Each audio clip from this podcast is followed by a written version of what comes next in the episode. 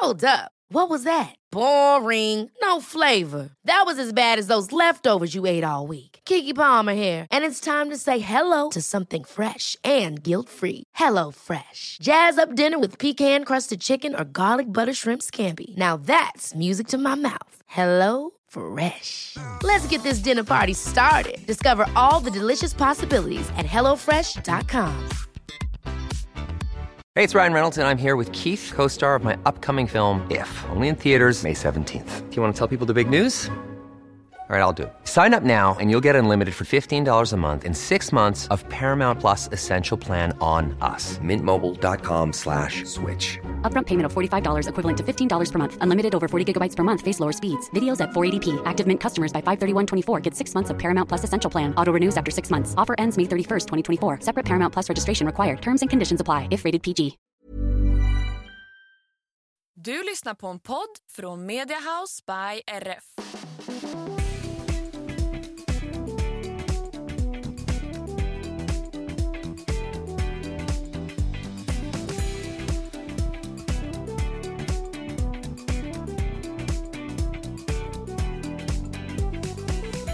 Hej på er och varmt välkomna till systrarna Elfstrands hästpodd avsnitt 172. Välkomna, välkomna. Jag som pratar nu heter Emma. Och jag heter Anna och eh, Emma, jag undrar lite, kvävde du precis en gäspning? Ja, Är du trött?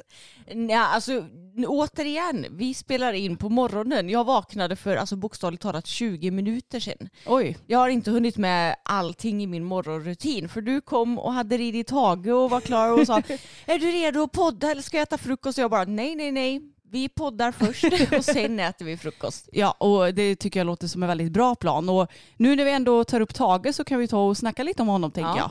Han har ju varit lite ofräsch och jag har inte riktigt vetat vad som har varit. Men så har jag ändå haft en magkänsla som säger att det är nog något litet skit som kommer att försvinna av sig självt.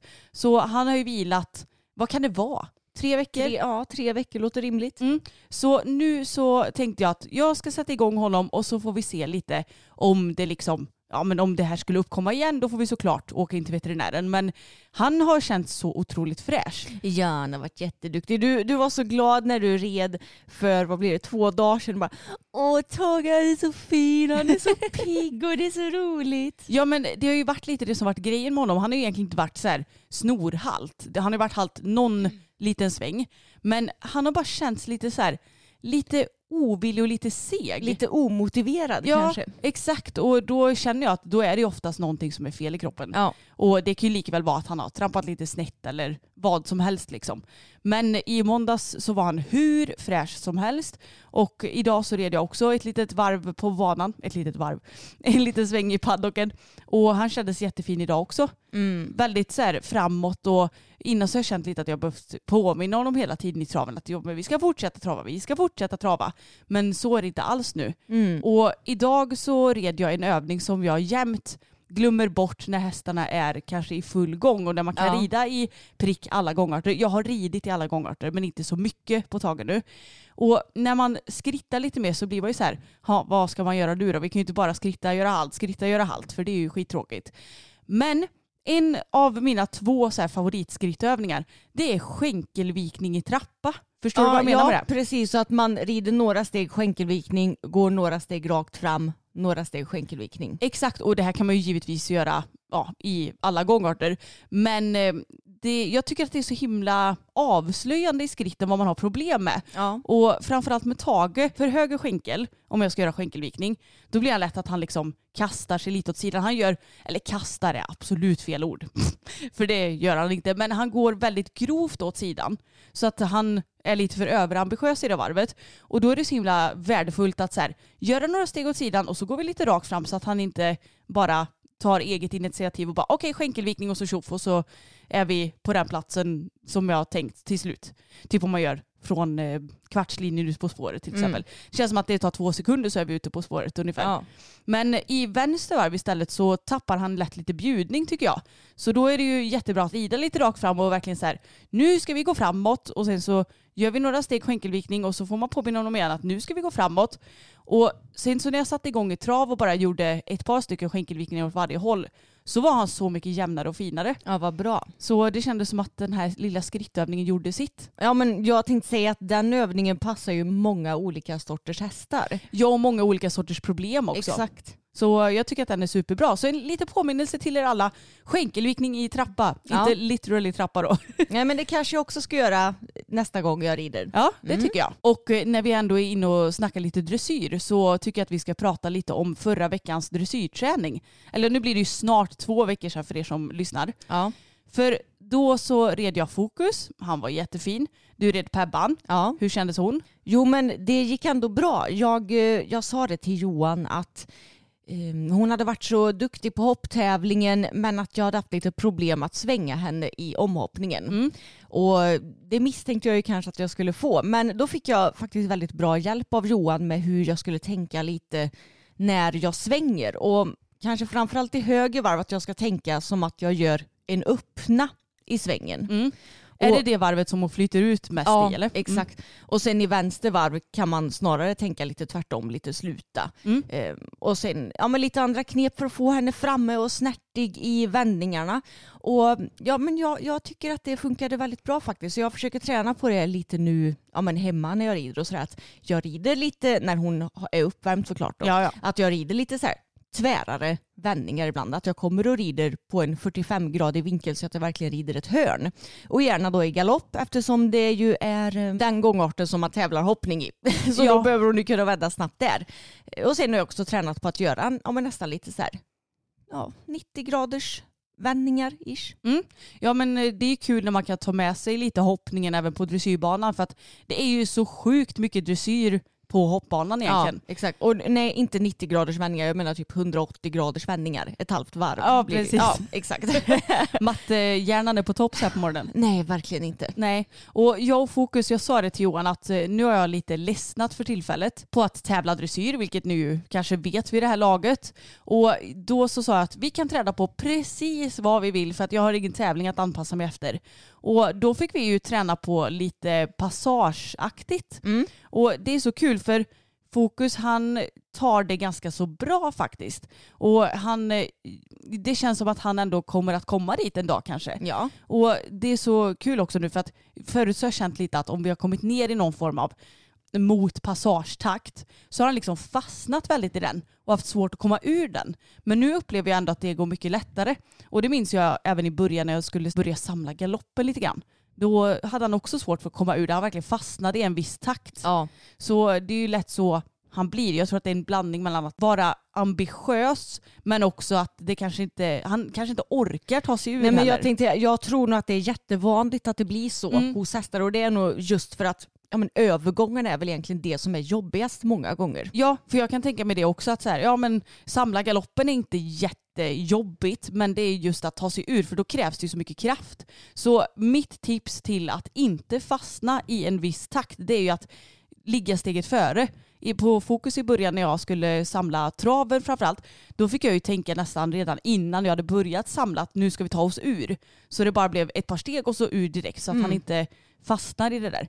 Så han var skitduktig. Det känns som att senaste halvåret så har han bara blivit så ambitiös och positiv och orkar jobba hela träningarna och han är så rolig att rida just nu. Ja men så duktig och jag red honom också för ett par dagar sedan för jag ska ju tävla dressyr på honom om ett par veckor vilket ska bli roligt. Jag ska ju tävla dressyr på både honom och Pebban. En lätt bet på båda två bara för skojs skull. Och då tänkte jag att jag kanske tar med honom och tränar för Johan nästa gång. Det går bra. Jag kanske snor honom lite. Ja men det, det går alldeles utmärkt för som sagt vi har ju ingen tävling inplanerad nu på ett bra tag i min plan. Nej. Men något som också var väldigt kul det var ju att pappa tränade. Han har ju bokat in sig på fyra hela gånger nu för Johan. Ja, och då har jag väl sagt att ja, men jag kanske vill ha en fast häst på den tiden för att det ska bli så lätt som möjligt för honom. Och då, då blir det också lätt för oss två att planera lite tänker jag. Ja och jag tänker också för hans del så handlar det ju ju också om att han får lite kontinuitet i det hela. Och det är klart att det är bra att rida många olika hästar men jag tror att det kan vara bra för honom nu en intensiv period att rida in och samma häst. Ja. Så då har han fått rida Bella. Det har han fått göra och när han har ridit henne på banan tidigare så har han ju, kanske egentligen inte bara med henne utan med typ alla hästar. Han har ju så fruktansvärt svårt för att fatta galopp och jag har känt bara lite så här, hur svårt kan det vara? Ja men det har ju blivit lite jag tänker att pappas galoppfattningar det är lite som ditt sits-issue just nu. Han får ju lite panik över att inte kunna fatta galopp. Och jag har sett det många gånger tidigare att när han ska fatta galopp så är det liksom han flänger upp lite med armarna och så är det som att han bara ja men nu ska vi fatta galopp och så försöker han bara få det överstökat. Ja men han blir alldeles för ivrig på ja, något vis. och det är ju verkligen precis tvärt emot vad man ska göra. Ja och hästarna fattar inte. Nej, och det är ju inte så konstigt. Men det är också så skönt att jag har ju försökt att förklara för honom hur han ska göra. Men jag är ingen tränare och jag är inte så pedagogisk i, det, i de lägena. Eller alltså, det är alltid svårt att träna en familjemedlem också, ska Jo. tilläggas. Men jag tycker ibland att det är svårt att få ut exakt vad jag menar i ord. Ja, speciellt när det kommer till sådana här svårigheter som pappa har med galoppfattningarna. Men då är det så bra att han kan träna för Johan, för nu gick det hur bra som helst. Mm. Och Johan sa ju till och med det att eh, pappa gjorde det bättre än vad du och jag gör. Jag tror inte att han menar det, jag tror bara att han försökte peppa honom lite grann. Ja, och det vet ju inte jag, men det, jag tyckte ändå det var kul. Ja men alltså när pappa har tränat för Johan förut då har han ju inte fått till galoppfattningarna. Så Nej. det var som att någon hade alltså, viftat med ett trollspö och helt plötsligt fått pappa att lära sig att fatta galopp på ett bra sätt. Ja, antingen det eller också har han tränat i smyg. Jag vet Ja. inte vad han har gjort, men det gick hur, hur bra som helst. Och dessutom så gjorde han så himla, för de övade väldigt mycket på just galoppfattningar. Och då gjorde de det från skritt, för det är ju där man har bäst balans och kanske hinner med mest. Ja. Så jag kan tänka mig att det blir mer och mer liksom från trav sen och sådär. Men det var så kul att se för att jag tyckte att han gjorde så fina övergångar ner till skritt också. Och det är ju någonting som Bella inte varit skitbra på innan. Men nu så. Nu är hon jätteduktig på det. Hon är väldigt duktig på galoppskrittövergångar. Mm. Så det var skitkul att se och jag blev så stolt över dem hur duktiga de var. Och man såg på Bella att hon trivdes väldigt bra. Hon eh, trivs jättebra med pappa på ryggen för det märks att hon ja, men, jobbade på fint. Och det ska bli kul att se vad de här fyra gångerna kan göra med pappas ridning. Ja. Och jag vet, jag vet också att eh, jag sa det till mamma så här, just det du får påminna pappa om dressyrträning ikväll för hon är ju typ hans eh, life coach känns det som Ja lite så. har koll på allt i hans liv nästan. Eh, Och då så hade han sagt, ja men är det någon idé då att han är med och tränar? och det här är ju också en grej som till alla där ute som lyssnar, det är klart som tusan att det är en idé, för varje person att träna. Ja. Det spelar ingen roll, jag menar pappa har inga tävlingsambitioner, men det behöver man ju inte ha. Nej, och alla kan utvecklas och det handlar ju inte heller bara om att kanske prestera utan det handlar ju också om att ha kul. Ja, och det är mycket, mycket roligt att känna att Ja, för han har ju varit sådär jag tycker inte det är så kul att rida på banan men det handlar ju också om att han inte riktigt vet vad han ska göra. Exakt. Han vet inte hur han ska få hästen ordentligt framme i galopp och sådana där grejer. Och det är klart att det inte blir roligt då. Nej, så nu kan han få hjälp med det. Ja. Och, och förhoppningsvis att det hela ska bli bättre. Men vi måste ju också berätta hur det var innan vi skulle åka på träningen Anna, Mm. med pappa. För han eh, har ju alltid tusen bollar i luften den mannen. Jag vet ingen mer upptagen människa än honom. Kanske vår medryttare Sigrid och de är ju ungefär på samma nivå känns det som. Ja, lite så. Fast Sigrid är nog ganska så mycket bättre på att vara självständig och planera sin egen tid. Jo, det skulle jag säga. Eh, men ja, han har ju mycket att göra så han höll på att greja på gården tror jag under den här dagen. Ja, jag kommer inte ihåg exakt vad han gjorde men någonting gjorde han. Han klippte säkert gräs eller hade sig med, Ja. med någonting. Han hittar ju alltid grejer att göra oavsett om man ber honom om det eller inte. Och då så skulle pappa träna vid typ så här, eh, ja men det var ju på, ganska så tidigt på eftermiddagen. Bara så- nej, kvart över sex. Ja just det, ja, vi skulle träna Ja, kvart över sex. Ja. Du hade ridit på eftermiddagen tidigare. Jajamän. Ja just det, ja, så var det. Ja, och då kommer du och jag ut. Vi hade sagt till pappa att den här tiden måste du vara i stallet. Det vill säga ombytt och vara i stallet för att ta in hästarna. Var han det? Nej, Nine. det var han inte. Och hans kommentar då när vi sa det att pappa vad, vad gör du? Du måste ju göra i ordning din häst. Då sa han jag trodde att ni skulle göra i ordning hästarna. Ja. Och då sa du det här är ingen jävla ridskola.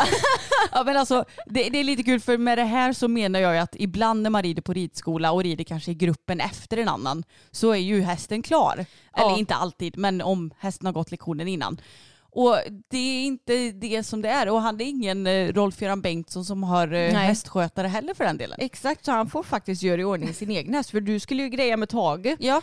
under tiden så du hann ju egentligen inte göra det men du fick hjälpa till lite grann ändå. Ja, det löste sig ju, men som det alltid gör. Ja, ja. Men det är ändå lite kul. Han hade lite så här eh, Queen Bee-fasoner. Det var så här, ja men fixar inte ni hästen åt mig? Ja exakt, han tror ju det. Att han bara ska träna och att vi ska göra allting annat.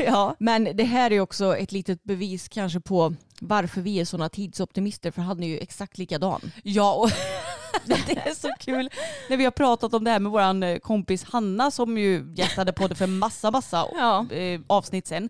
Så sa hon det att ni var alltid sena. för det var så ofta som vi åkte och plockade upp henne och så åkte vi till ridskolan. Japp. Och hon bara, ni var nästan alltid sena. och typ varje gång vi kom fram så var det liksom lite högljudda röster också. Stackars Hanna. Och lite halvt dålig stämning Ja. i bilen. Men hon var nog van. Det vill säga att du och jag var lite arga på pappa skulle jag gissa på. Antagligen. Vi skulle ha åkt för en kvart sedan. Ja men alltså verkligen.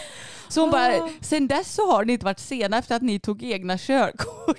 Det är ju helt otroligt. Men som du sa, jag är aldrig sen. Jag kanske rullar in exakt när jag ska vara där. Men jag är inte sen. Nej, jag är väldigt sällan för tidig men jag är nästan Ja. aldrig sen. Nej, det är så här, vi är så här, kommer fram med andan i halsen. Alltså så hela tiden. Man bara, Ja, men klarade den här gången också. Så var det ju verkligen igår när jag skulle till sjukhuset och göra koll på min livmodertapp eftersom jag gör koll på den en gång i halvåret. Och då rullade jag verkligen in. Ja, och det här är ett bevis på vad som kan hända när man gör det. Jag rullade in typ så här 10 i 11. Jag hade tid vid 11. Då skulle jag först hitta parkering.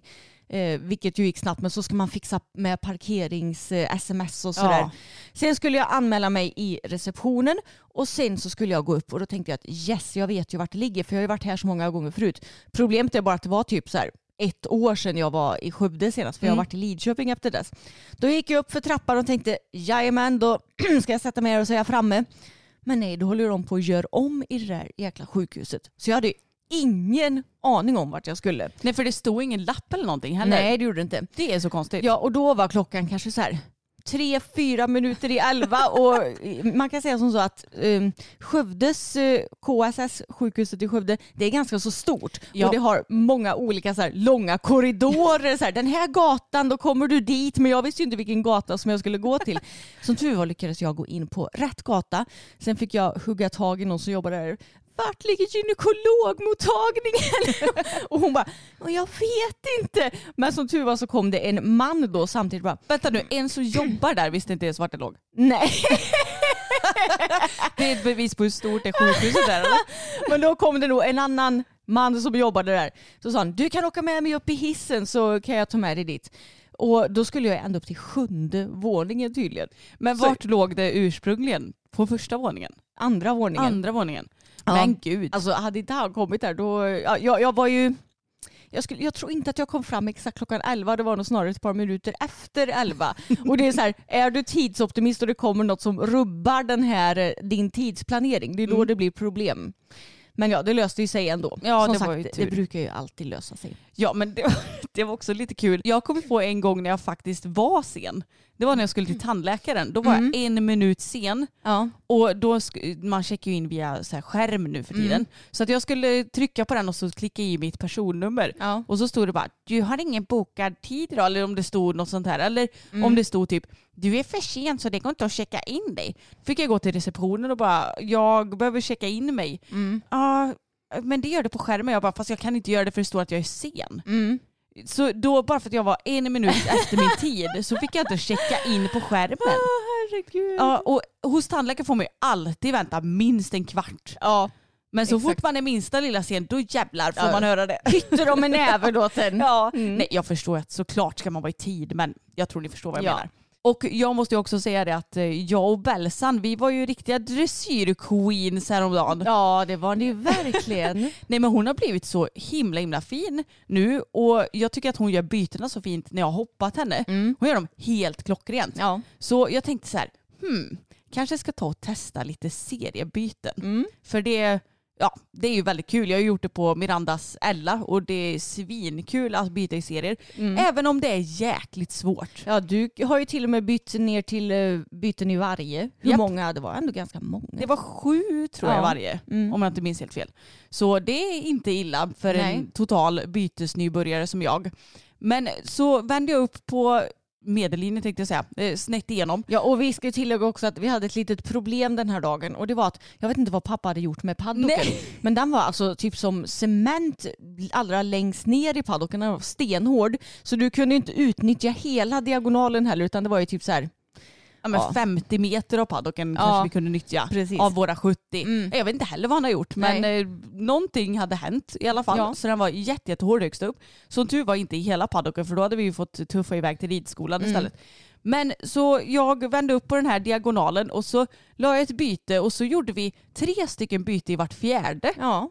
Som var helt rena. Ja men de var jättefina också. Jag Ja. har ju sett film, eller jag filmade ju. Ja. Och de ser ju verkligen raka ut också. Det, kä- det roliga är att det kändes inte så rakt och det kändes inte så fint. Det kändes typ som att jag eh, nästan höll på att flyga halvt i himlen. För hon, hon tar ju i som attan när hon byter galopp Mm. Ja, men hon, också. det, det, hon studsar nästan till Ja. lite grann så man måste typ lätta lite grann själv från sadeln Ja. i bytet för annars så ja, då, då hade man nog flugit lite halvt i himlen. Ja, men det var lite det jag fick göra. Jag fick lätta lite. Jag fick göra som om jag tänkte att vi hade hoppat en liten bom eller någonting. Mm. För att eh, det skulle bli optimalt. Men hon var svinduktig. Ja, hon är så duktig min tjej. Alltså, Ja. Du kanske ska tävla dressyr på henne. Det kanske är Bella som är din nya dressyrstjärna.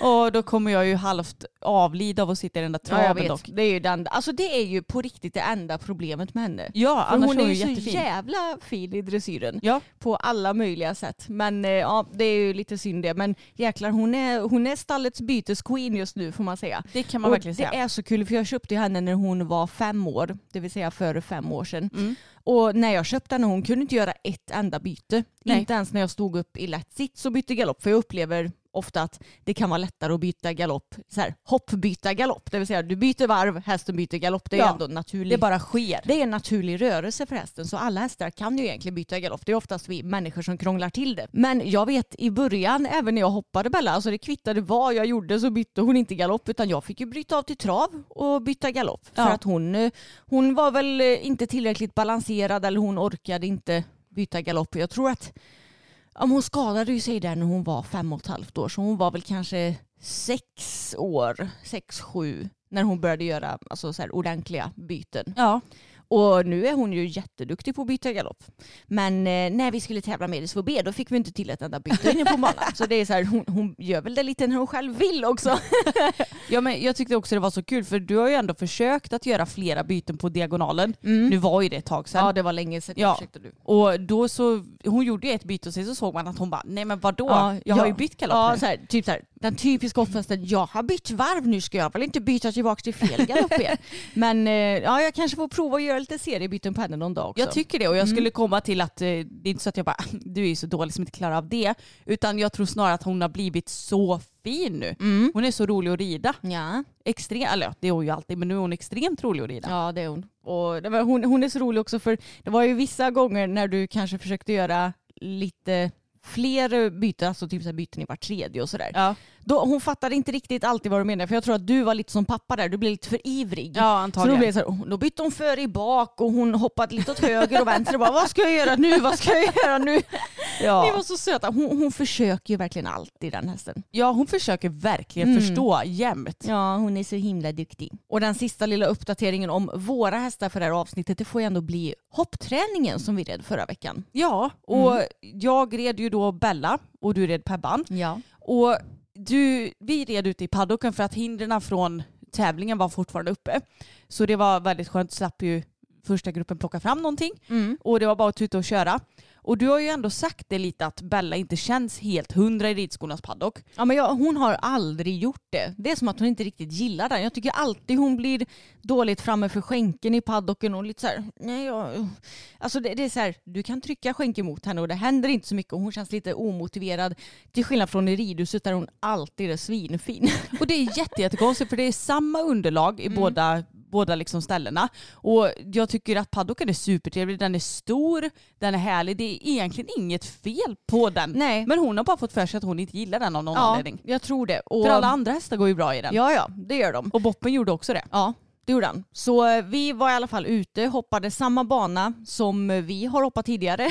Pebban hade hoppat den två gånger tidigare eftersom hon, hon hade hoppat den på både tävlingen och sen när vi var på öppna banan och sen nu på träningen så det blev tredje gången gilt för henne. Och Bella, hon hade hoppat den en gång tidigare. Ja, med dig. Ja. Och jag hade ju hoppat den med fokus två gånger faktiskt också. precis för du var där och red lite tidigare på morgonen Mm. när vi skulle hoppträna och det gick ju skitbra. Alltså du och Fokus är ju så duktiga nu. Ja men det har känts så jäkla bra och jag vet inte riktigt vart mitt självförtroende har kommit ifrån. Nej. Det bara har landat lite i mig och det är Mm. klart att jag fortfarande får lite, så här, nej, lite nervös Ja men ibland attacker. får du lite så här nervös sammanbrott Ja. men då får man bara peppa dig. Jo men du klarar av det här Anna, det är inga problem och Ja. då går det så bra så sen. Nej men eh, ni var jätteduktiga och det är synd att det inte finns någon passande hopptävling för er. Ja för det nu. känns ändå som att hopptävling inte är allt för långt bort. Men på ett vis så känns det också skönt för då tvingas jag ju lite att träna lite till Jo, innan vi åker ut och hoppar. Vilket ju är det klokaste att göra. Mm. Även om vi har hopptävlat förut så är det väldigt, väldigt länge sedan nu.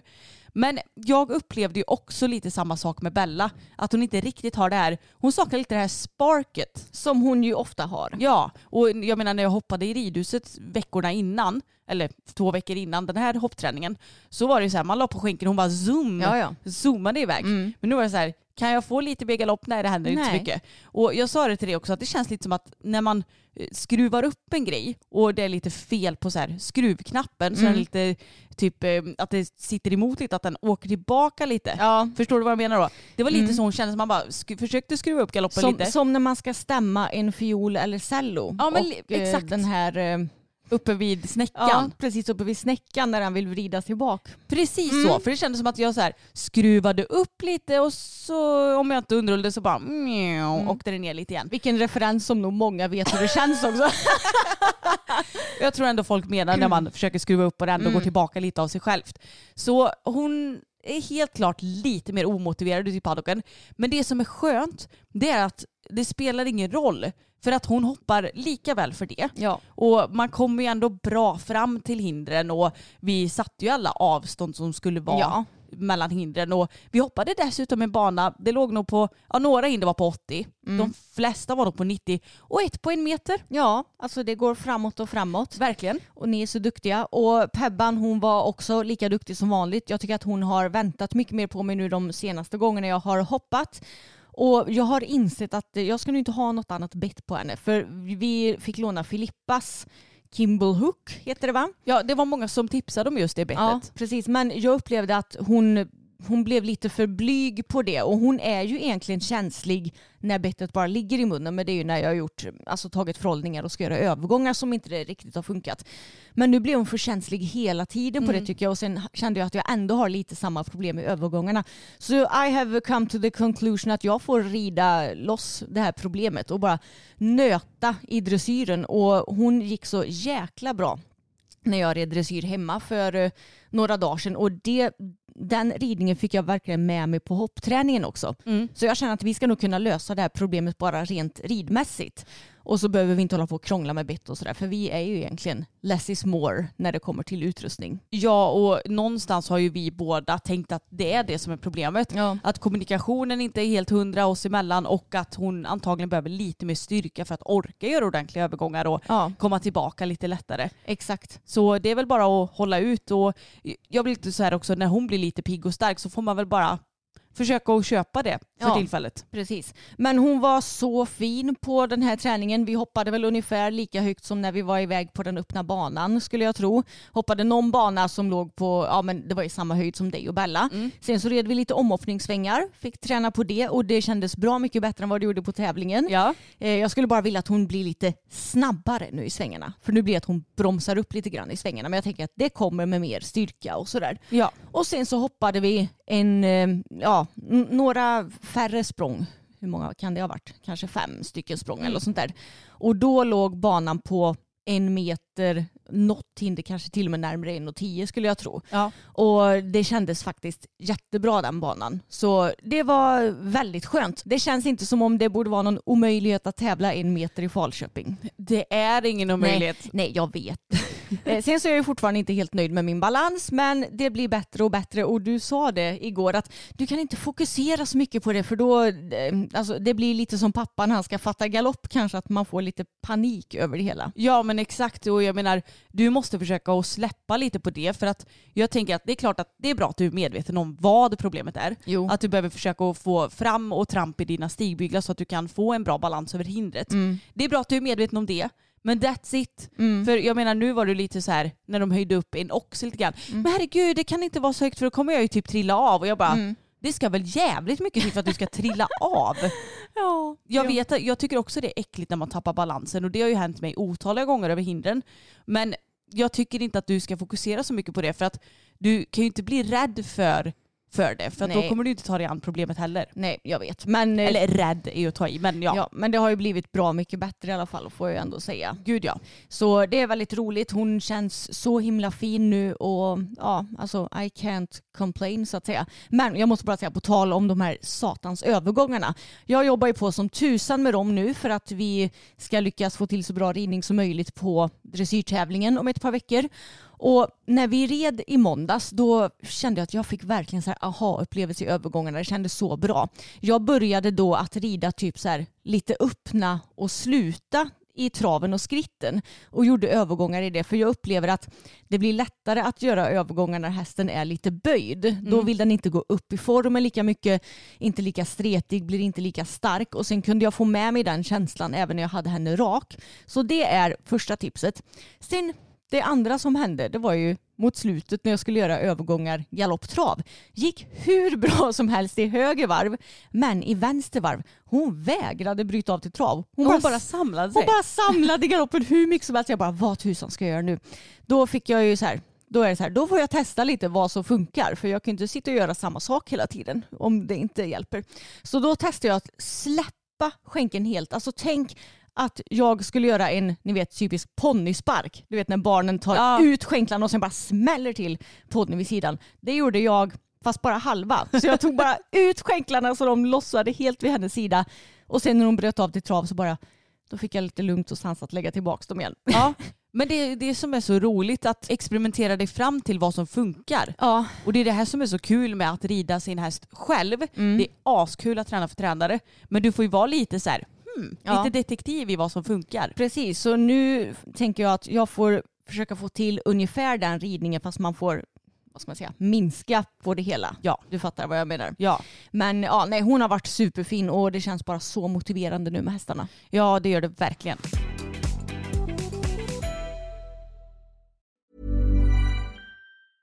Selling a little or a lot?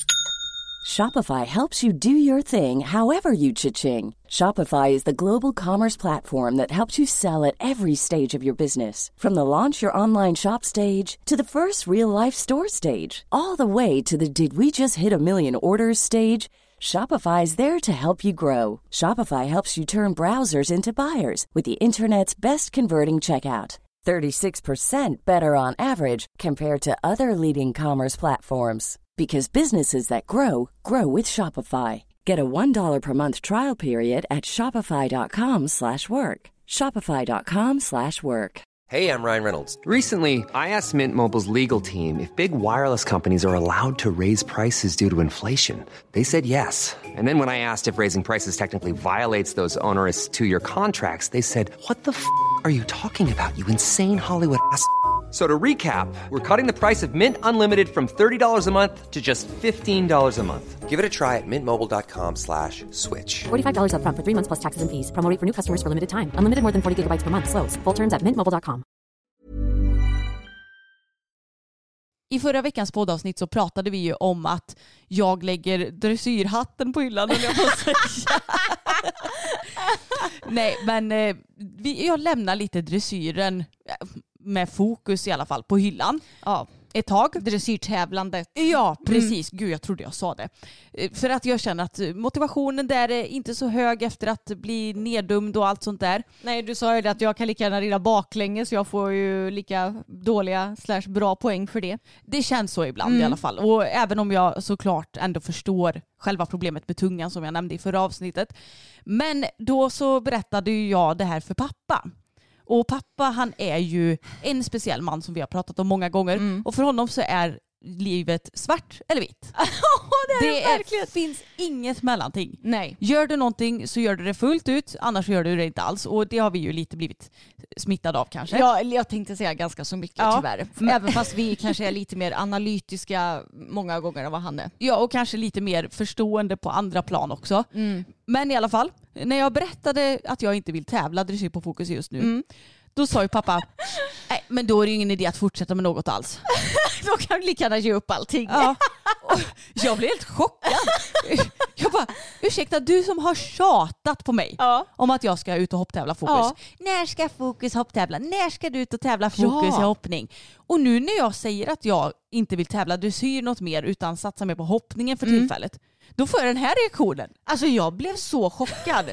Som sagt eftersom man har tjötat så förbannat mycket om den här hoppningen och Ja. inte accepterat att du bara vill tävla dressyr för tillfället. Så när du då säger nu ska jag göra tvärtom, nej då får du höra det här. Ja, så jag kan tydligen inte göra rätt enligt pappa. Nej precis. Och nu ska vi se vad han sa mer. Han sa ju i samband med det här också att ja men det var ju typ så här, men du kan ju inte bara ge upp. Ja, och det, det är faktiskt en del som har sagt detsamma. Att, Ge inte upp Anna, men jag ger inte upp. Det, det hade ju varit att eh, typ sälja honom eller någonting. Ja, ja, alltså det handlar ju bara om att du vill få motivation och lite roligt igen. För som sagt, hur kul är det att eh, trots att du rider bättre och bättre och att fokus blir bättre och bättre, att resultaten är detsamma. Alltså det är extremt omotiverande. Ja, och de blir ju snarare typ sämre.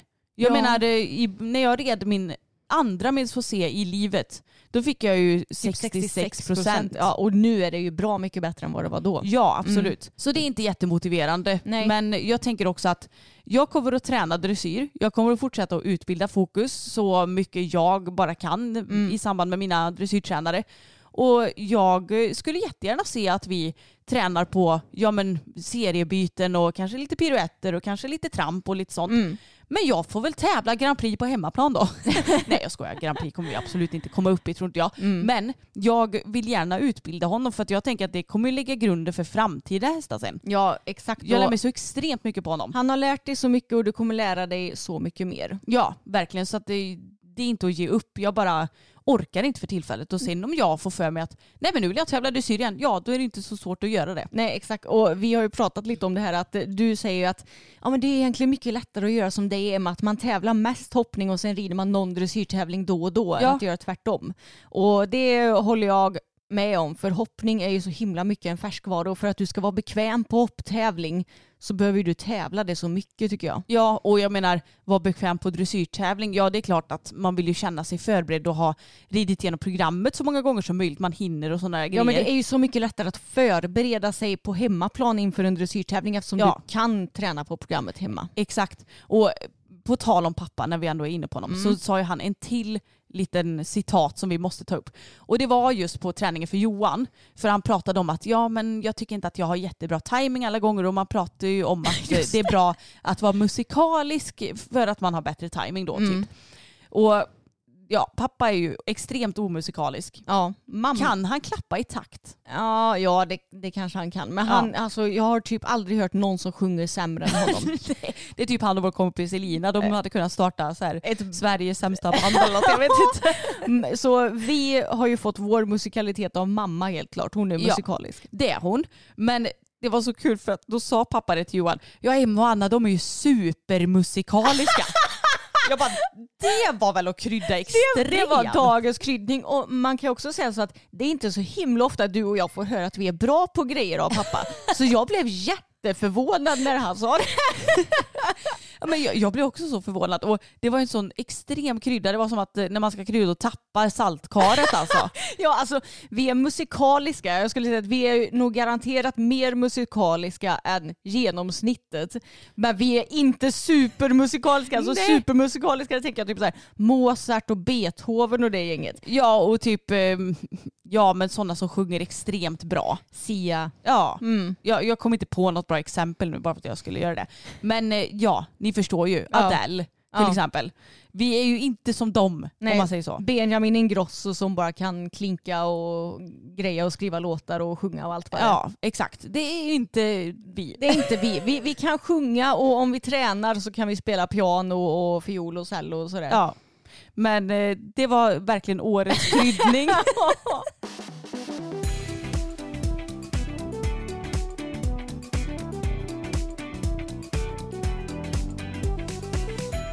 Häromdagen så fick jag ett meddelande till min privata Instagram och jag vill bara säga att jag klankar inte ner på specifikt den här personen utan det handlar om det här ämnet i stort. Mm. Och då var det en person som skrev till mig att den såg en film på mig och Fokus på TikTok och att eh, ja, den som hade lagt upp den här videon skrev dåliga saker om eh, mig och Fokus och att eh, ja, men jag typ sågade honom i munnen eller vad Mm. det var. Vilket ju är kul för jag vet vad såga i munnen är och jag Mm. vet att jag inte sysslar med det. Nej. Jag vet att jag kan krama i tyglarna i halten Mm. för att få honom att stå still i form. Du vet ju hur svårt det är. Ja. Han vill gärna göra stjärnkikan och titta på domaren. Mm. Eller annat valfritt på ridbanan. ja. Så det vet jag att jag gör. Men att såga, det är för mig att man Att tar... drar händerna fram och tillbaka. Ja, men, att, men, att, men att krama med fingrarna det är inte att såga. Nej, verkligen inte. Så att ja, jag vet att jag behöver inte ens försvara mig egentligen. Men det, då vet ni liksom själva Mm. filmen. Och då fick jag ett meddelande från den här personen som berättade att det fanns på TikTok och eh, skickade, det var den här personen som la upp det och si och så. Och det här gör mig så trött. Att folk delar med sig av filmer på dig och mig eller vad det nu är. Säkerligen på många andra också. Ja, ja, ja, ja det är inte bara vi som blir drabbade. Nej. Och lägger upp det här på TikTok. Mm. Alltså TikTok kan ju vara den sämsta jävla appen i hela världshistorien. För att folk är så förbannat elaka där. Ja, alltså jag eh, är ju extremt oinsatt i TikTok. Du har ju haft appen och tittat på videos men Ja. du har väl inte haft något eget konto. Exakt. Men är, folk, alltså är det bara inom hästvärlden eller är det överallt med alla andra ämnen också? Eller Det är överallt. Ja. Mm. Det spelar ingen roll vad det handlar om så är folk skitelaka. ja, du sa det. Man, man kan liksom inte göra minsta lilla fel. Nej, Eller så blir man ju typ lynchad. Ja.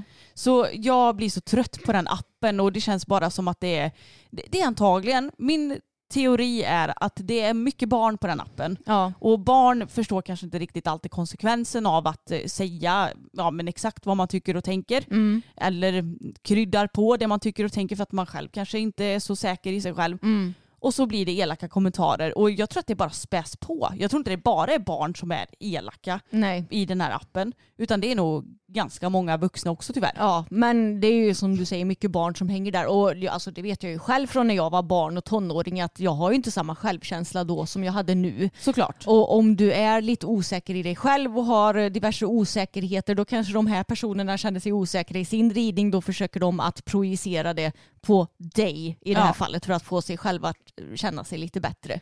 Och sen så är det massa andra barn som ser det och så är liksom hela diskussionen Bollen igång. Bollen igång ja, exakt. Mm. Så ja, det är ju problematiskt. Men också att ifall ni ser sånt här, ni behöver inte skriva det till oss. För hur kul är det för dig att läsa det? Du hade ju inte märkt det för du är ju inte aktiv på TikTok. Nej men precis så jag vill bara säga det för det, det här är inte första gången det händer Mm. utan det har hänt många många andra gånger och jag har egentligen inte reflekterat så mycket över det men nu så tänkte jag att det är egentligen lite konstigt. Jag Mm. vill inte veta vad för videos som delas på mig Mm. eller dig. Alltså det, det spelar ju ingen roll för oss. Nej. För att jag bryr mig inte så länge jag inte vet om det. Nej. Men nu när jag fick reda på det så kände jag mig bara så irriterad Ja. över att det diskuteras så. Mm. Och jag är fullt medveten om att varenda människa i hela världen inte tycker om mig. Mm. Och det är helt okej för att jag tycker antagligen inte om varenda människa i hela världen heller. Nej. Men jag tycker också att det är så tråkigt att folk ska vara elaka Ja. när man bara försöker sitt bästa. Ja jag vet. Men det handlar ju om osäkerhet. Ja, det är ju det till 100%. Men Precis. TikTok är en jävla skitapp i alla fall och det är Ja. något jag aldrig kommer skaffa. Nej jag gillar inte heller TikTok. Jag Det- gillar konceptet egentligen. Mm. Men som sagt, folk, folket där är elaka. Ja, men det, det är nog på grund av att det är en väldigt ung målgrupp skulle Ja. jag tro. Och också att folk eh, har inte koll. Jag vet att det delades det inte någon video där på när jag skulle lasta Bella och hon typ så stegrar sig mot mig och jag viftar med repet för att få henne att backa undan. Ja. Då, då tror jag, jag vet att vi fick någon kommentar där.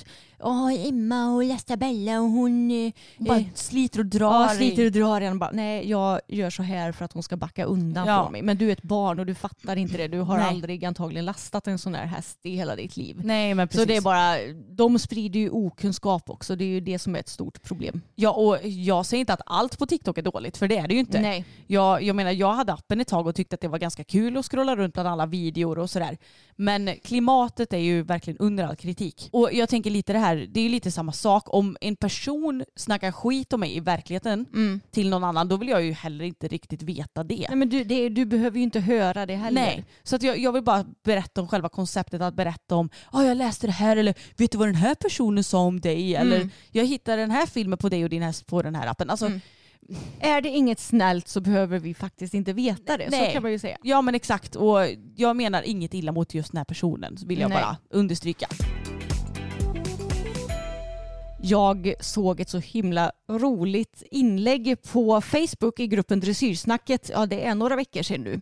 Och då var det en ryttare som eh, hade Ja, men hon hade skrivit om att hon hade tävlat och att det hade gått så dåligt. De hade fått 43 procent. Och, eh, så här. och då vill hon höra andras historier om när det har gått skit på tävling. Och jag tycker att det här blev en så härlig tråd för det var ingen som typ klankade ner på den här ryttarens ridning för hon har lagt upp film också ifrån den här tävlingen. Och jag menar 43 procent, det kan ju egentligen vem som helst få. Hästen kan vara superspänd, du kan rida fel, det kan bli miss, alltså det kan bli knappt. Jag och Bella fick ju 48 procent i Medos OB för att Ja men det är inte så långt program. Får man en nolla och trea på koefficient, alltså då rasar ju verkligen poängen kan man Eh, säga. ja. Så det är ju sånt som kan hända och vi har ju pratat lite om våra sämsta dressyrtävlingar och jag tycker att det, det är så roligt för du hör verkligen att ingen är, eller du är inte ensam om det här.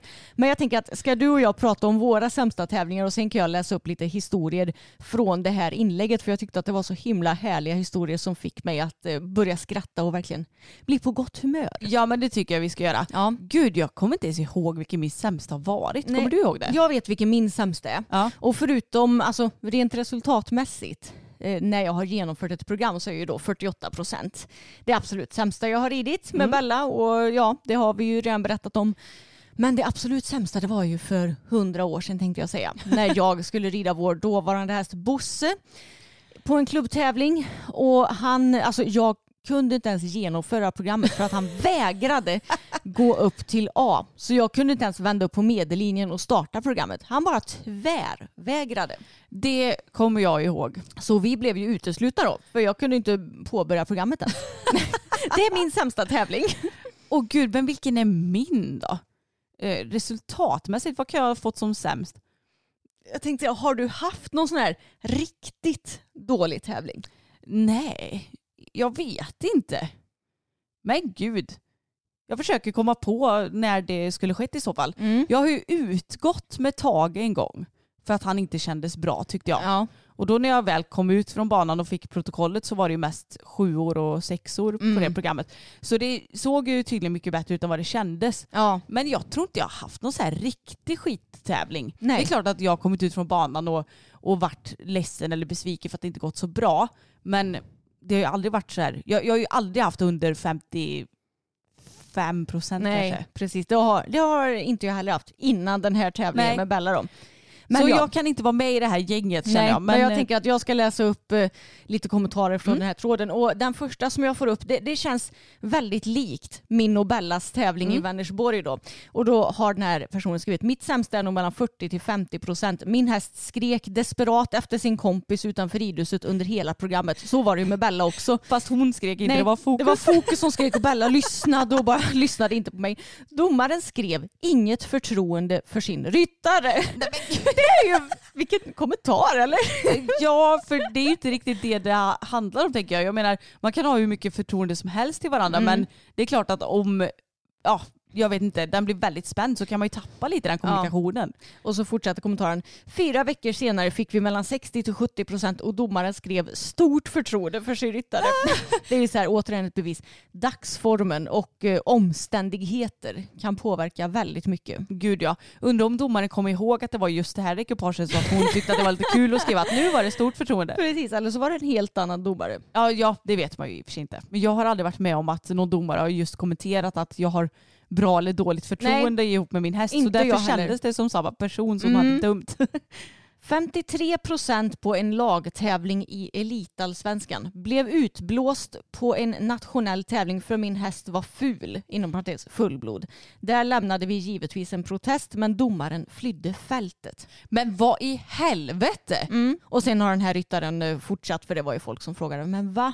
Och då skrev ryttaren japp, ingen rolig upplevelse. Jag var 16 år och red ett meeting på FEI-mästerskapsprogrammen tror jag det var. Domaren blåste ut mig och pekade ner mot framridningen på en ponny jag visste hade kostat 1,4 mille. Domaren säger rätt ut, din häst ser inte ut som den. Din häst har ett spetsigt kors och du borde gå ner i klasserna. Jag började ju storgråta för jag hade ridit på 61 procent både dagen före och dagen efter. Dessutom hade jag kvalat dit och betalat startavgiften som alla andra och hade rätt att vara där och rida min klass. var inget fel på min ponny men den var korsning med fullblod och såg inte ut som en renodlad dressyrhäst. Och det är tydligen en domare som dömer än idag. Men det här var det sjukaste jag hört. Ja, jag vet. Jag menar, självklart ska domare blåsa ut om de ser blod eller om hästen ser halt ut. Eller om kanske ett ekipage ser ohälsosamt ut, inte vet Ja. jag. Men bara för att en häst är ful, Ja, jag vet. enligt vems ögon? Ja, jag vet. Det är så jävla sjukt. Och det är många som kommenterar också att deras hästar har hoppat ut ifrån dressyrbanan. Det tror jag faktiskt är ändå vanligare kanske än vad man tror. Ja, jag har aldrig varit med om att hoppa ut från banan men Laika har jag ju pratat om i podden innan Mm. och hon sprang ut från banan för det var så här eh, öppet Mm. vid eh, A och då råkade vi hamna utanför men vi kom in igen och fick bara minus två på den Ja, ritten. och kom tvåa. Japp. Annars hade ni vunnit om Ja. hon inte hade sprungit ut. Så det var lite surt att inte ytterskänken var med just den sekunden. Min första dressyrtävling var på ridskolan på en ridskoleponny. Vi red lätt se på den tiden då man skulle galoppera två varv på stora mittvolten. Vi, du och jag, vi är också så gamla att vi kommer ihåg det här. Jajamensan. Så jäkla konstigt. Och då var det så här, då skulle man hålla koll på, har jag ridit ett varv, har jag ridit två varv? Ja, Men det är så ologiskt. Varför i hela friden var det två varv på mittvolten? Jag vet. Jag lyckades inte fatta galopp där fattningen skulle vara. Så vi travar in på mittvolten och till slut lyckas jag få galopp. Men fel galopp såklart. Så jag får sakta av och försöka fatta ny galopp vilket tar lite tid. Till slut får jag rätt galopp. Typ sista halvvarvet på volten tror jag fick typ 45 procent. Alltså det här är så charmigt. bara. Ja, så gulligt. Och vi har väl berättat om den gången som vi hade en klubbtävling när det var just Let's och så två varv på stora mittvolten. Ja.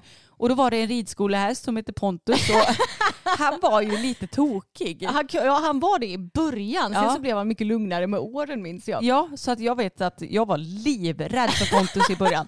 Och så var det en tjej som skulle dressyrtävla honom och hon fattade galopp där det skulle vara. Och så red hon ett varv och så red hon två varv. Och det gick snabbare och snabbare och snabbare. Ja, och hon gick red tre, fyra, fem varv.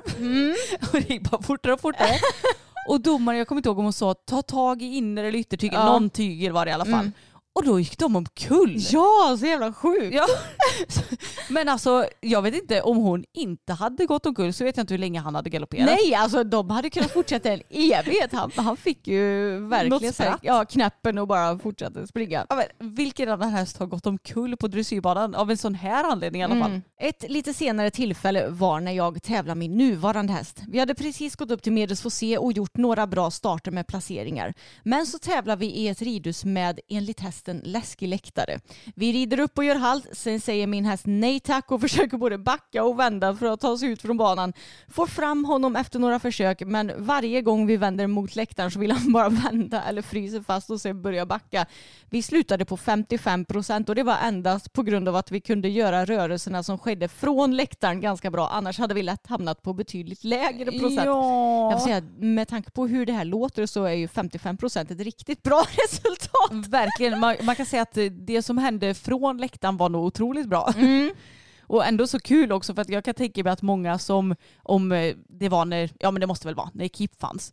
Så här, om man har sett att hon blivit placerad och fått eh, bra pro- procent Mm. Och så helt plötsligt får 55 procent. Ja. Då måste de undra vad tusan har hänt. Ja, exakt.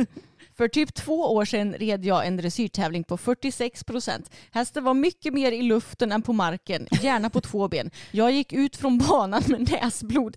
I protokollet stod något i stil med du var alltid en modig en som vågade stegra runt den där. Jag tyckte att hästen var över förväntan lugn den dagen. Vad brukar den göra undrar man ju. Komma ut med näsblod. Dressyrtävling för 25 år sedan. Min häst vägrade gå i vatten. 75% av dressyrbanan låg under vatten efter ett skyfall natten innan tävlingen.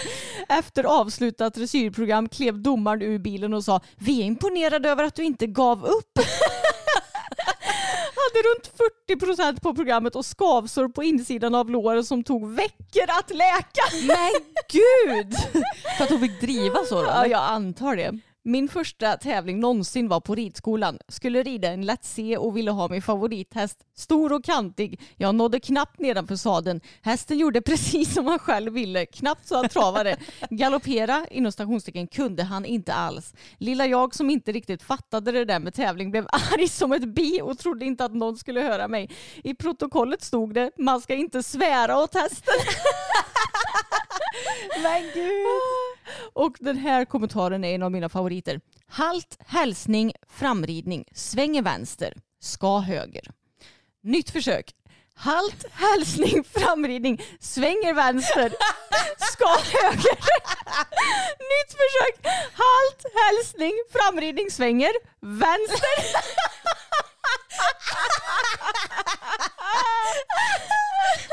Så då blev hon utesluten?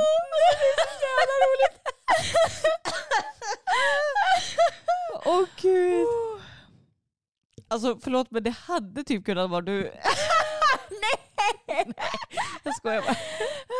Men det får mig att minnas den tävlingen när Ja men förr i tiden så var ju alla program att man red ut till höger varv Ja. i princip. Och så skulle jag rida lätt B0 med Tage som var att man red ut till vänster varv och man hörde på filmen ah, vad bra hon red ut till vänster varv. Det är det som är det svåra med det här programmet Ja. tycker jag, Ja. säger du. Det är det svåraste. Gick omkull i första halten. Domaren hann i alla fall skriva rakt i protokollet. Men va? Vad hände där Ja, det kan man verkligen undra.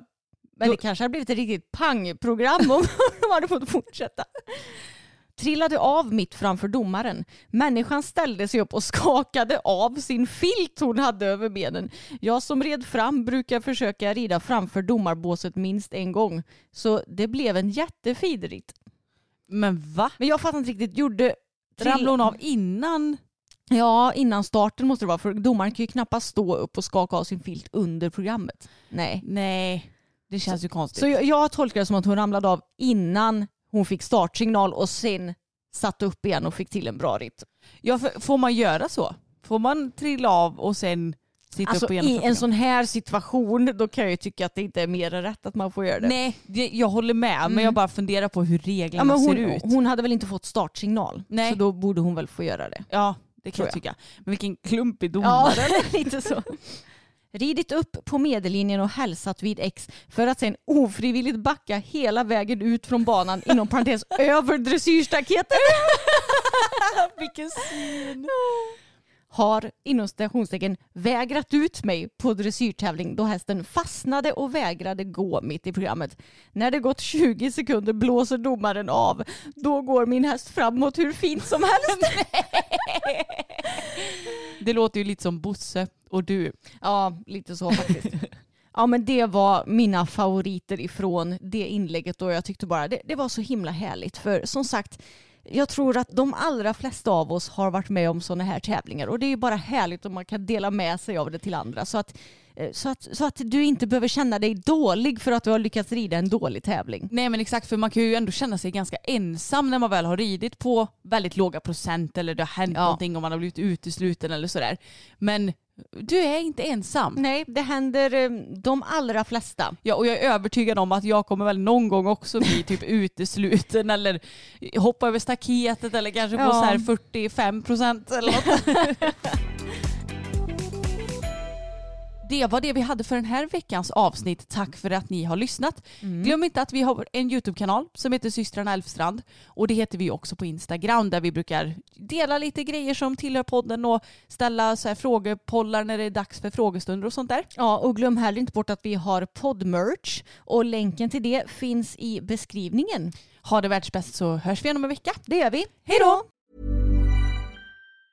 Hey, it's Danny Pellegrino from Everything Iconic.